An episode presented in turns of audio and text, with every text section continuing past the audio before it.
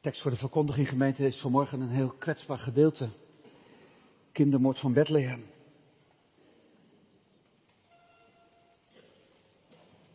We hadden het daar voor de dienst in de consistorie over. Dat het ook wel een heel ingrijpend en aangrijpend gedeelte is. Dat misschien ook wel hele diepe dingen raakt bij, bij mensen vanmorgen, bij u of bij jou. Wie zal het zeggen? Het is ook het gedeelte waar de klacht van moeder Rachel wordt gehoord. En daarom beginnen we te lezen vanmorgen in Genesis 35.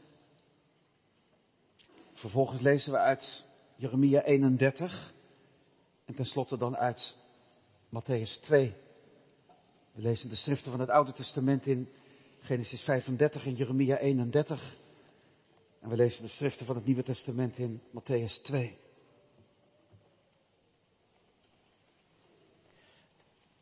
Genesis 35, dat is dat gedeelte dat Rachel voor de tweede keer moeder wordt.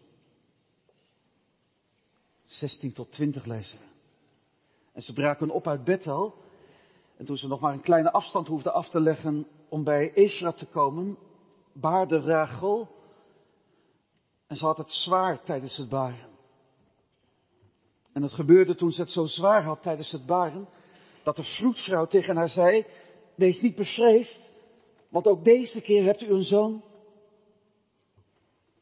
En het gebeurde toen haar ziel het lichaam verliet, want ze stierf, dat ze hem de naam Ben-Oni gaf. Zijn vader echter gaf hem de naam Benjamin. Zo stierf Rachel en ze werd begraven langs de weg naar Efrat, dat is tegenwoordig Bethlehem. En Jacob richtte een gedenkteken op boven haar graf. Dat gedenkteken op het graf van Rachel staat er tot op deze dag.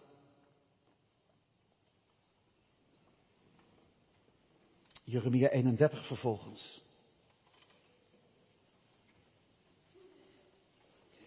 Tijd van de ballingschap. Tijd dat jonge mannen worden weggevoerd, gedeporteerd naar Babel bij Rama. We lezen de versen 15 tot 20 van Jeremia 31. Zo zegt de Heer, er is een stem gehoord in Rama, een rouwklacht, een zeer bitter geween. Rachel weent over haar kinderen. Zij weigert zich te laten troosten over haar kinderen, want ze zijn er niet meer. Zo zegt de Heer, bedwing uw stem van geween en uw ogen van tranen. Want er is loon voor uw werk, spreekt de Heer. Ze zullen uit het land van de vijand terugkomen. En er is hoop voor uw nakomelingen, spreekt de Heer. Uw kinderen zullen terugkomen naar hun gebied. Ik heb zeker gehoord dat Ephraim zich beklaagt. U hebt mij gestraft. Ik ben gestraft als een ongetemd kalf. Bekeer mij, dan zal er bekeerd zijn.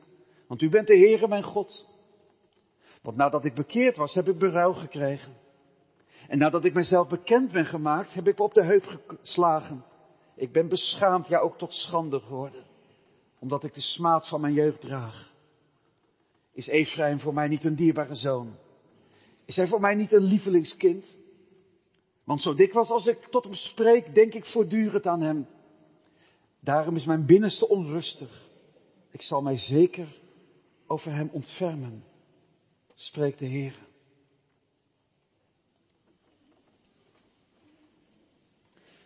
Ten slotte lezen we uit Matthäus 2, de versen 16 tot 18.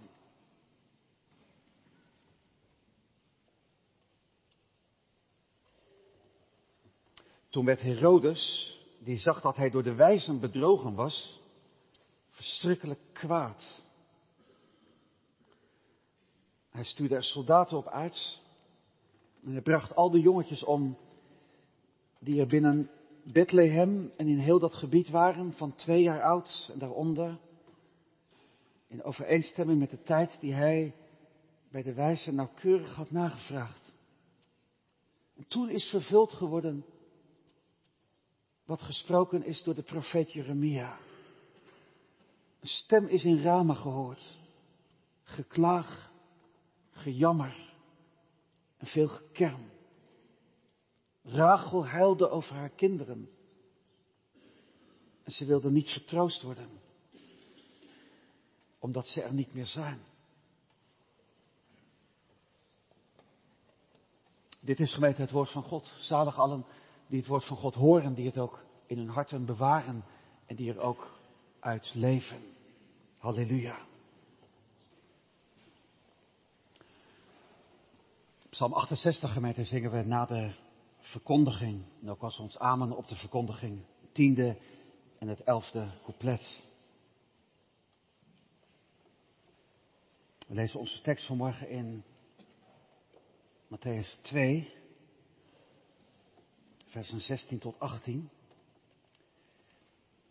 Toen werd Herodes, die zag dat hij door de wijzen bedrogen was, verschrikkelijk kwaad. En hij stuurde er soldaten op uit. En hij bracht al die jongetjes om die er binnen Bethlehem en in heel dat gebied waren van twee jaar oud en eronder. En overeenstemmen met de tijd die hij van de wijzen nauwkeurig had nagevraagd. Toen is vervuld geworden wat gesproken is door de profeet Jeremia. Er is een stem gehoord in Rama. Geklaag, gejammer en veel gekerm. Rachel huilde over haar kinderen. Zij wilde niet vertroost worden, omdat ze er niet meer zijn.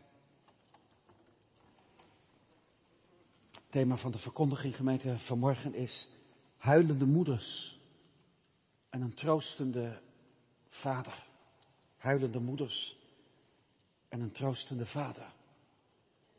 Gemeente van onze Heer Jezus Christus.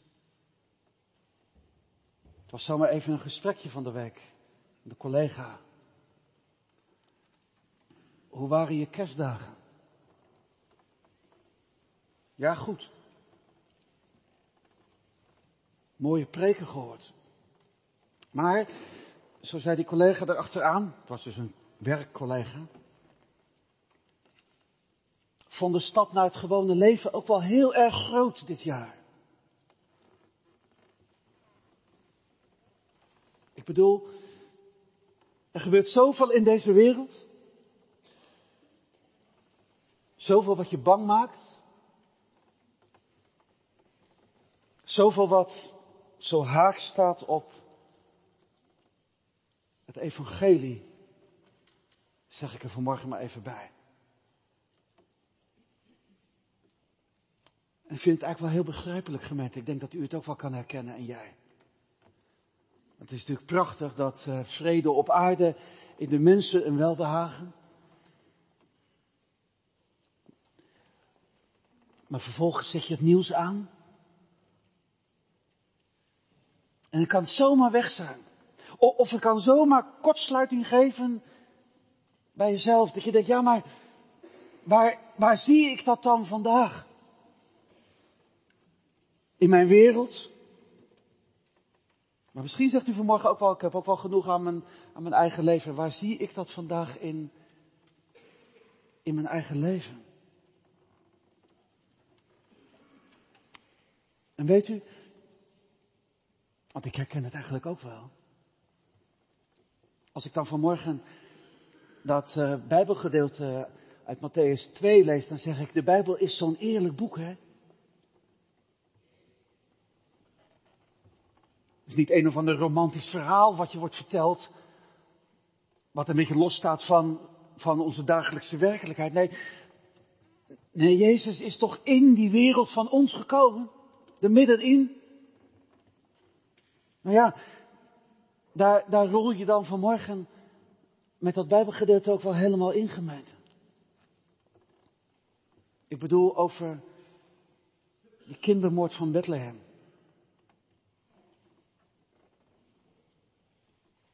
Je maakt het je niet gemakkelijk vanmorgen zijn, ouderling vanmorgen. En ik had gisteravond, toen ik de preek nog eens nalags, eigenlijk precies hetzelfde gedacht. Moet je dat eigenlijk wel doen? Net na kerst, ochtenddienst.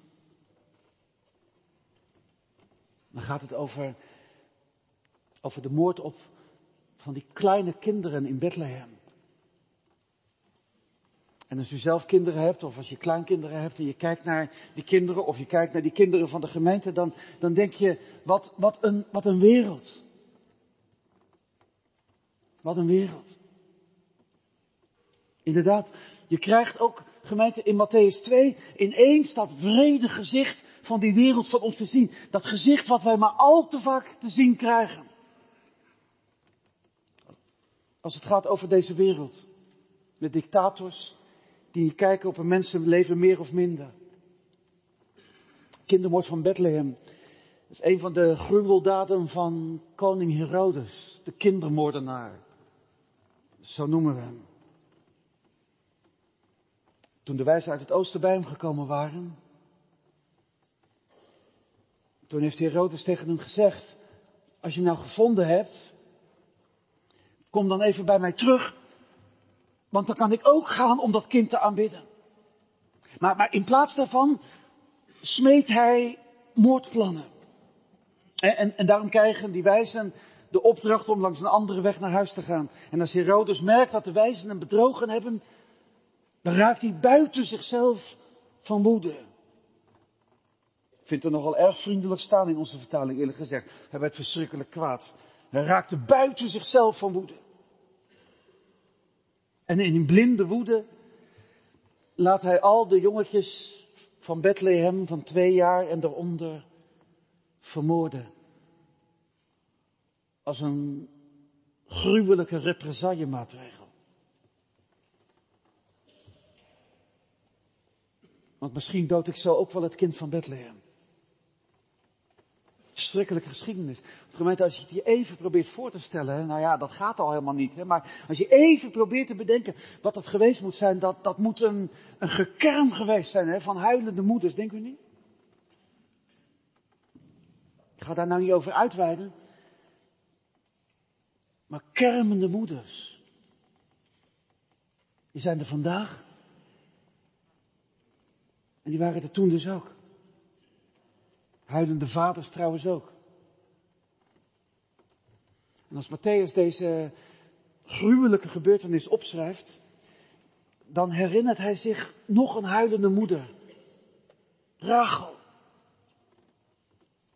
En, en, en Matthäus die schrijft, toen is vervuld wat gesproken is door de profeet Jeremia. Er is een stem gehoord in Rama. Geklaag, gejammer, veel gekerm. Rachel huilt over haar kinderen. En zij wilde niet vertroost worden omdat ze er niet meer zijn. Matthäus die trekt in zijn evangelie voortdurend de lijnen vanuit het Oude Testament. En dat doet hij omdat hij allereerst schrijft voor een Joods publiek, hè, om te laten zien. Zo van, hou je Bijbel er maar bij, kun je het zo zien. En, en, dan zegt hij telkens, opdat vervuld zou worden wat gesproken is door de profeet. En dan, dan komt er zo'n schriftcitaat. Uit de profeten. Bij de kindermoord trekt uh, Matthäus ook een lijn. Al moet ik wel zeggen, hij doet het heel voorzichtig.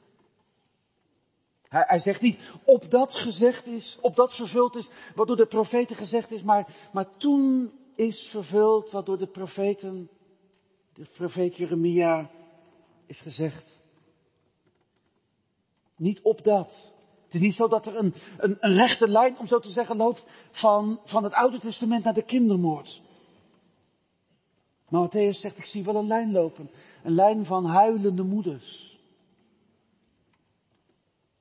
Zien ze in Bethlehem? Maar Matthäus zegt, blader maar even terug. Je komt ze in het Oude Testament ook al tegen. Jeremia 31.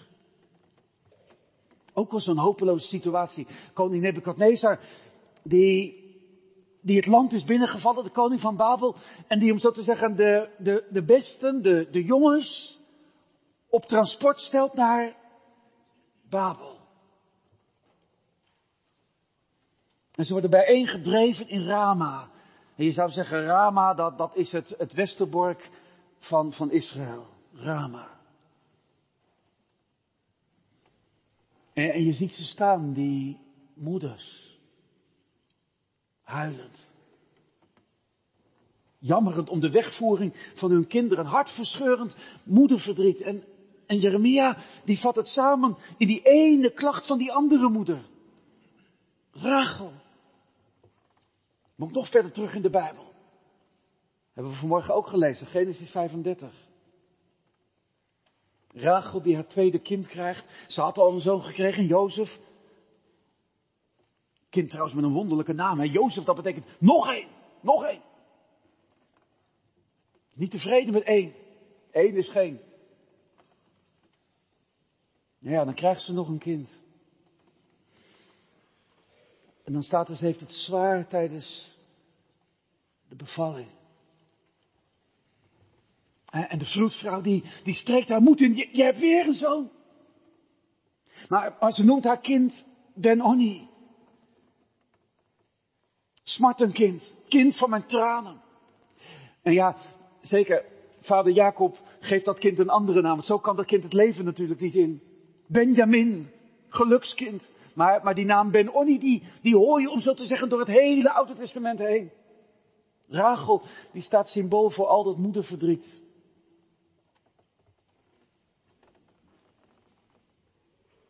Kind van mijn tranen. Aangrijpende geschiedenisgemeente. Bij Rachel. Bij die wegvoering in Rama. En dan vanmorgen ook in Bethlehem. Kindermoord. Aangrijpend. Want gemeente, als je er even over nadenkt, dan kun je toch je vragen niet wegduwen, of wel?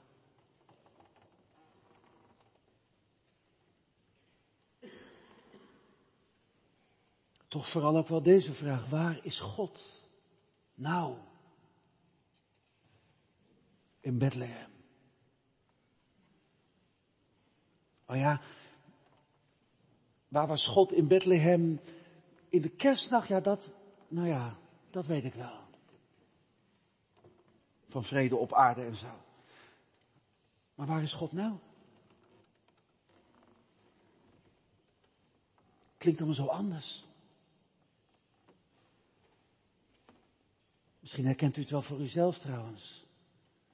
Dan hoef je helemaal de deur niet uit vanmorgen. Dat je zegt, ja, waar, waar is God in mijn verdriet? Dat je Psalm 42 wel herkende van, ik heb mijn tranen tot mijn spijzen dag en nacht, omdat mijn spotters durven vragen, waar is God die u verwacht? En, dat je zegt, nou ik hoef niet alleen te denken aan spotters die het tegen me zeggen, maar ik herken het zelf ook wel. Heere God, waar bent u eigenlijk? Waar bent u eigenlijk? Mag je van mijn gemeente vanmorgen trouwens eerlijk zeggen hoor. Want dit Bijbelgedeelte dat schuurt, hè, maar dat mag ook wel schuren met jezelf vanmorgen. En ook met je vragen bedoel ik. Maar voordat ik erop inga, eerst nog dit. Want kijk, ik kan vragen, Heere God, waar bent u? Maar, maar dan moet ik er wel rekening mee houden dat God het allereerst ook aan mij vraagt. Hè? Waar ben jij? Dat God het aan ons kan vragen. Waar ben je voor, voor mijn aangezicht? Moeten de dingen niet omkeren, hè? Hoe sta je tegenover God en, ja, toch ook, hoe sta je tegenover dat kind van Bethlehem met een hoofdletter, Jezus? heb je dat nou ingezien, gemeente? Dat, dat al die ellende in de wereld er ook mee te maken heeft dat, dat ik op die troon wil zitten.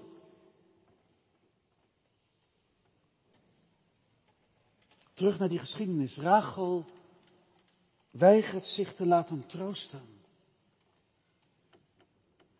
Dat is wat, hè? Ja, laat me gewoon eerlijk zeggen, gemeente. Soms is troost te makkelijk. Te goedkoop. Ik moest bij de voorbereiding terugdenken aan, eh, nou, zo'n beetje 21 jaar geleden, toen een van onze kinderen stierf. Dat je, dat je soms mensen wel het huis uit wil gooien. Je denkt, al die mooie woorden, al die, soms ook die goedkope woorden, en soms al die goed bedoelde woorden, maar het helpt me gewoon niet. En, en soms dat iemand anders dezelfde woorden zag, zei en dat het een beker koud water was. Kan, hè? Het heeft natuurlijk ook wat te maken met, uh, is troost echte troost of is het vooral verlegenheid? Mooie woorden, die kunnen soms zo makkelijk klinken. Ik, ik moest denken aan, uh, nou ja, dat, dat is uh, voor degenen die dat kennen, um, uit de gebroeders Karamazov van Dostoevsky, Russische schrijver, over, over Iwan. En Iwan, die, die moet niks hebben van het geloof. Hij, hij zegt, er is, er is geen troost voor al dat leed wat kinderen aangedaan wordt in deze wereld. Dat is voor hem een maatstaf. Er is geen troost voor dat leed wat kinderen aangedaan wordt. En, en dan zegt Aljosja, zijn broer,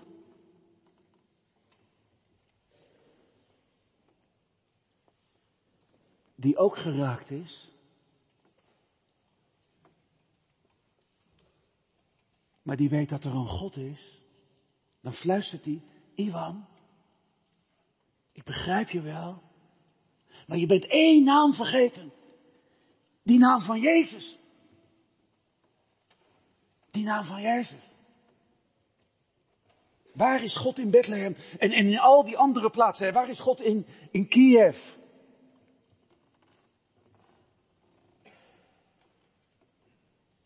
Waar is God in de Donbass? Waar is God in je eigen leven? Nou, in elk geval niet op een afstand, zeg ik vanmorgen. Want God heeft deze wereld, en dat is dus die wereld die in de ellende ligt, hè? die wereld die aan alle kanten kraakt. God heeft die wereld zo lief gehad, dat hij zijn enige geboren zoon erin gezonden heeft. Dat doet God. In een wereld waarin, waarin zelfs zoiets gruwelijks mogelijk is als die kindermoord van Bethlehem. En als ze kinderen wat aandoen, dan komt het dicht bij je hart. Hè? Ja, maar, maar God brengt zijn eigen kind toch in veiligheid? Ja, ja, nog wel. Naar Egypte. Maar kijk eens even verder. Dat duurt niet zo lang, hè? En ze hangen hem aan het kruis. En weer hoor ik een moeder huilen. Maria. Simeon had het al gezegd. Maria, er zal een zwaard door je eigen ziel gaan. Je zult er ook bij staan, bij die huilende moeders. Hier brengt God zijn zoon nog in veiligheid. Maar gemeente, dat doet God niet omdat hij op een afstand staat, zeg ik vanmorgen. En, en omdat God op een afstand wil blijven van het leed van deze wereld. Nee, hij komt er middenin. Zijn zoon moet alleen nog groot worden. Het kind van Bethlehem moet nog man worden. Man van smarten moet hij nog worden. Om in een wereld met zoveel leed en met zoveel tranen en zoveel dood de weg tot het leven te openen.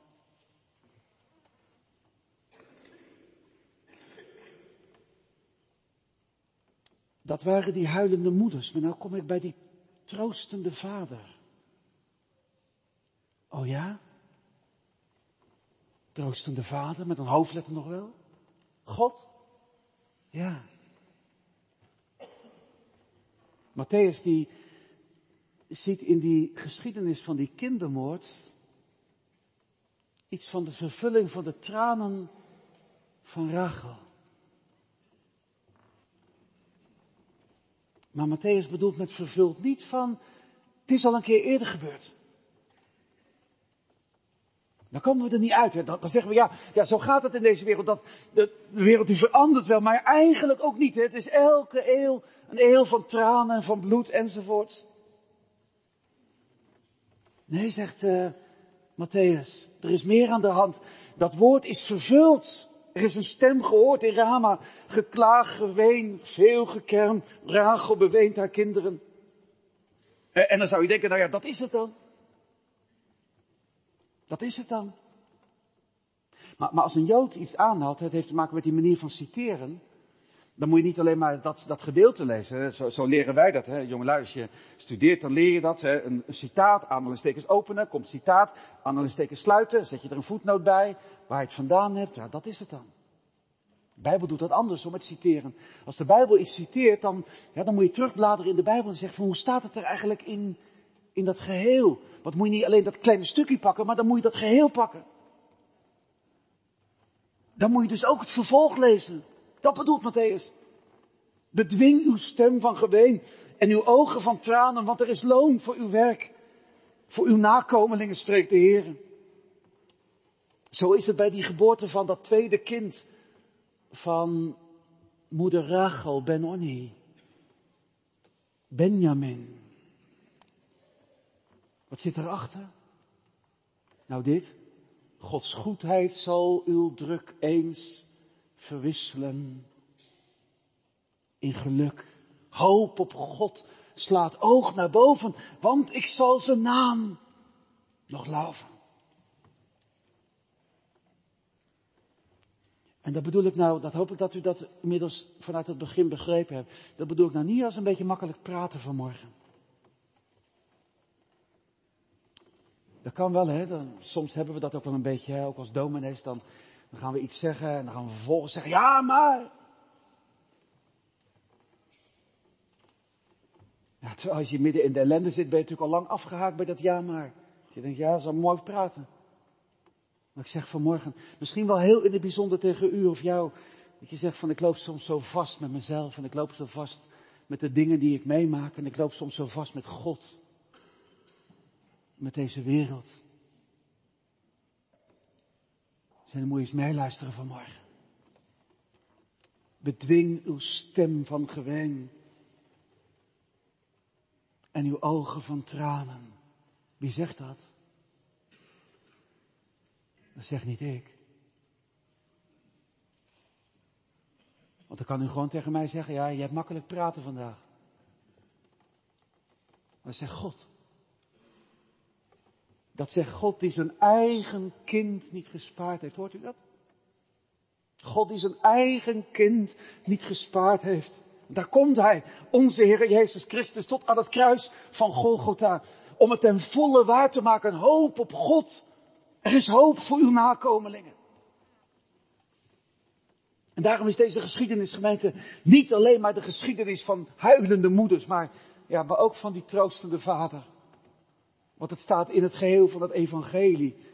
Laat maar door, lees maar door, lees maar door wat God met dat verdriet wil doen. Wat God met je rouw en je pijn en je schuld wil doen. Hij wil het meenemen naar Golgotha. Daar komt God voor.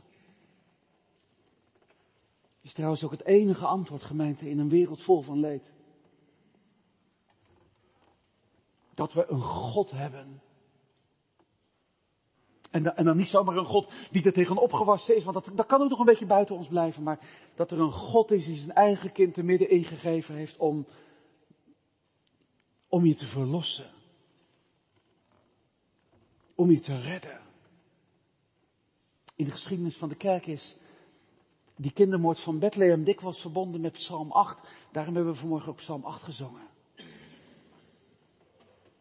Uit de mond van kleine kinderen en zuigelingen hebt u een sterk fundament gelegd om de vijand en de wraakzuchtige te laten ophouden.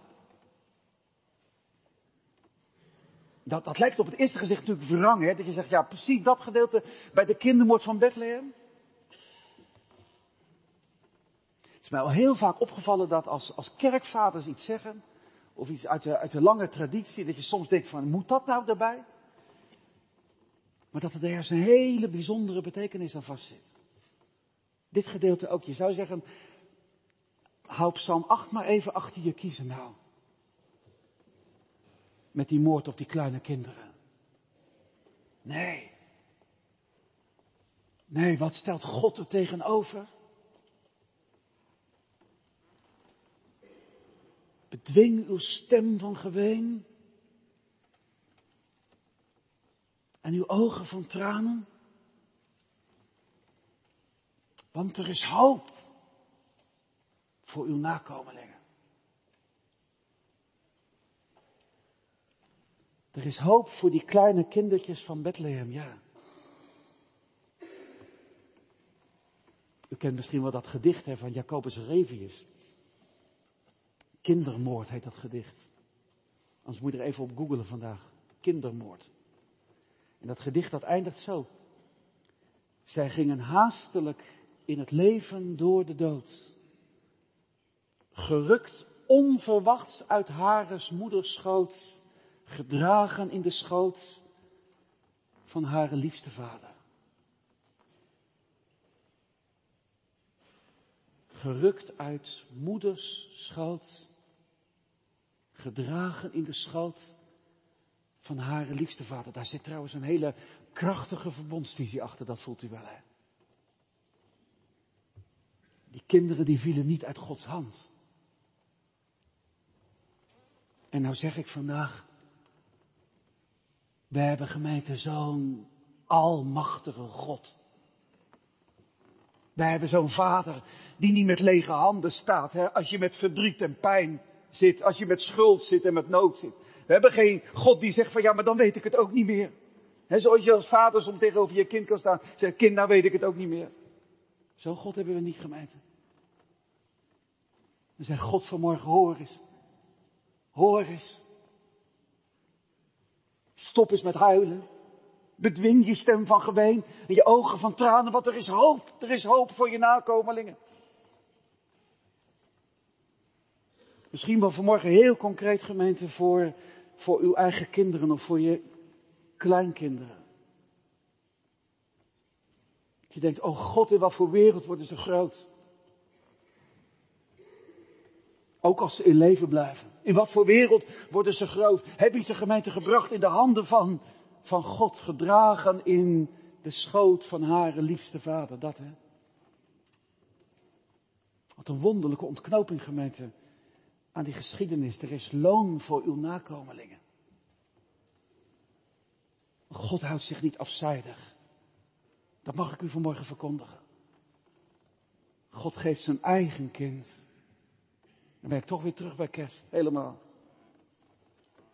Maar geen kerst met, met, met mooie schijn eromheen. Nee, nee, kerst in die ruwe werkelijkheid van ons leven. Kerst in een wereld van Kiev. In een wereld van vluchtelingen. In een wereld vol met pijn en vragen. In die wereld zegt God, hier is hij. Mijn kind.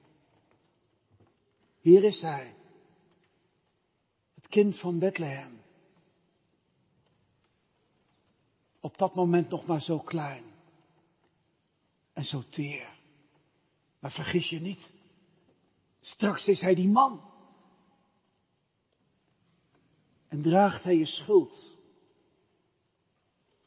en je pijn op Golgotha.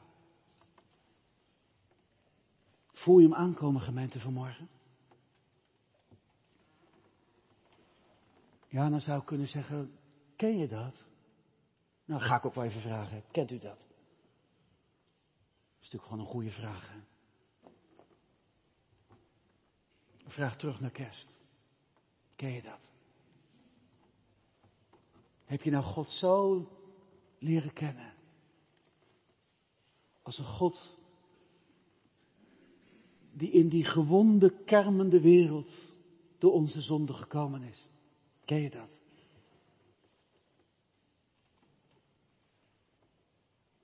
Maar ik ga het nog een beetje anders vragen vanmorgen. Ben je Jezus nou zo tegengekomen? Of liever, heb je die vader gezien die zijn eigen kind voor je over heeft? Dat is kerst, hè? En zal ik het dan nog een keer tegen u zeggen, tegen jou? Over dat kind van Bethlehem. Als je op kraambezoek komt, dan, ja, dan mag je even in het wiegje kijken. En soms dan, jongens en meisjes, soms dan zegt die moeder van, wil je het even vasthouden? Nou, hou je het vast, hè. Dan moet je het weer teruggeven. Weet je wat God zegt? God zegt niet alleen maar, wil je het even vasthouden, mijn kind? Nee, God zegt, hier, hier is hij. En je mag hem tegen je aandrukken. Vanmorgen. Je mag hem tegen je aandrukken. En ik zou zeggen, hoe meer dat het gaat knellen en gaat schuren in die wereld van ons. En hoe banger die wereld van ons wordt, des te meer, zegt God, druk hem tegen je aan, mijn kind. Want hij is gekomen om je hoop te geven. En toekomst. En eeuwig leven. En als ik zo stil word, gemeente vanmorgen. Midden in die wereld van ons. Kan ik alleen maar zeggen, zegt u het mij, dank u wel. Heere Jezus, dat u gekomen bent. Dank u wel, o Vader. Dat u uw eigen kind gegeven hebt. Dank u wel, o Heilige Geest, dat u het mij verkondigt. Opdat ik niet hopeloos sterven, maar uw heerlijkheid zou erven. Duizend, duizendmaal, o Heer, zij u daarvoor dank en eer.